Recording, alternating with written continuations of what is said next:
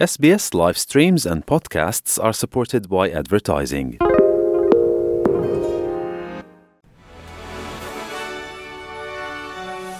各位听众，大家好，我是 SBS 记者 Lauren。今天是二月二十二日，星期四。本期的 SBS 新闻快报主要内容包括：维州塔州部分地区发布火险紧急警报；政府推出虚拟工作体验计划，助力年轻人跻身科技行业；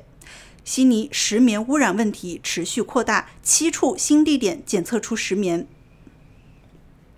因高温、干燥和多风条件导致火势失控，维多利亚州和塔斯马尼亚州部分地区已经发布了火险紧急警报。紧急服务部门警告称，维州 Ballarat 以西的 Bay Indian、Buanger、Middle Creek 和 Mount Cole 的居民以及塔州 D 社区的居民应该立即撤离。维州乡村消防局局长赫夫南表示，维州居民必须立即采取行动，以避免危险。Uh, this fire is quite large. Uh, it is currently been experiencing. uh, 这场火势很大，目前当地正经历严重的阵风和不稳定。我们预计火势将在未来一两个小时内继续迅速蔓延。该地区的居民现在需要将他们的丛林大火生存计划付诸行动了。请随身携带 Vic Emergency 应用程序，我们将向该地区的社区发布进一步的警报和信息。随着干燥天气持续，西澳大利亚州和南澳大利亚州部分地区也发布了极度火险警报。联邦政府近日宣布了一项新的培训计划，旨在帮助年龄在十四到二十五岁之间的年轻人获得科技行业的就业机会。这一虚拟工作体验计划由联邦政府和澳洲技术委员会共同发起，并得到了微软、联邦银行和国家宽带网络的大力支持。主要目标是培养年轻人的数字技能。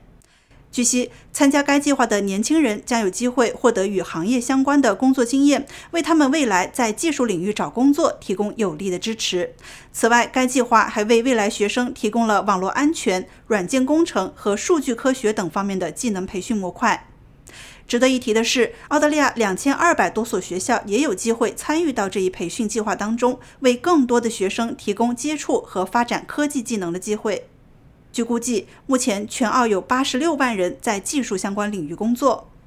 社会服务部长李什沃斯介绍说，该项目不仅将帮助年轻人提升技能，还有助于减少弱势群体或残障人士的就业障碍。他强调，这一虚拟项目特别注重吸引那些在科技行业中未被充分代表的群体，例如残障人士，使他们有机会成为澳洲增长最快的就业行业的一部分。This will break down a small barrier. 这将为那些在科技行业没有人脉、不知道如何获得工作经验、可能从未经历过在科技行业工作的人打破一个小障碍。这些培训将让他们深入了解科技行业，教给他们一些技能，让他们知道进入该行业对他们来说可能是什么样子，并可能以一种真正包容、可及的方式打开兴趣。另一方面，新南威尔士州环保厅本周四报告称，悉尼石棉污染问题持续扩大，新增了七个地点石棉检测呈阳性，其中包括知名儿童医院的建筑工地和 Oran Park 消防站。至此，悉尼受石棉影响的地点总数已经达到了五十四个。环保厅表示，在 Westmead 儿童医院的建筑工地发现了粘合石棉。由于该工地已被拦起，公众无法进入，因此风险相对较低。然而，铁湾大桥 Iron Cove Bridge 附近的花园则检测出了更危险的易碎石棉，该地点已被围起，并启动了清除工作。此外，多个地点正在进行预防性的测试，以进一步了解石棉污染的范围和程度。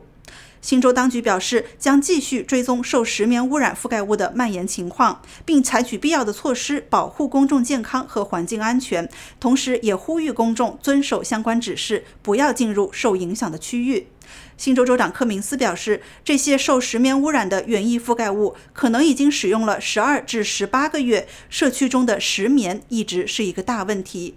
他指出，新州或全澳在建筑产品中使用的石棉比例，可能比世界其他任何地方都要多。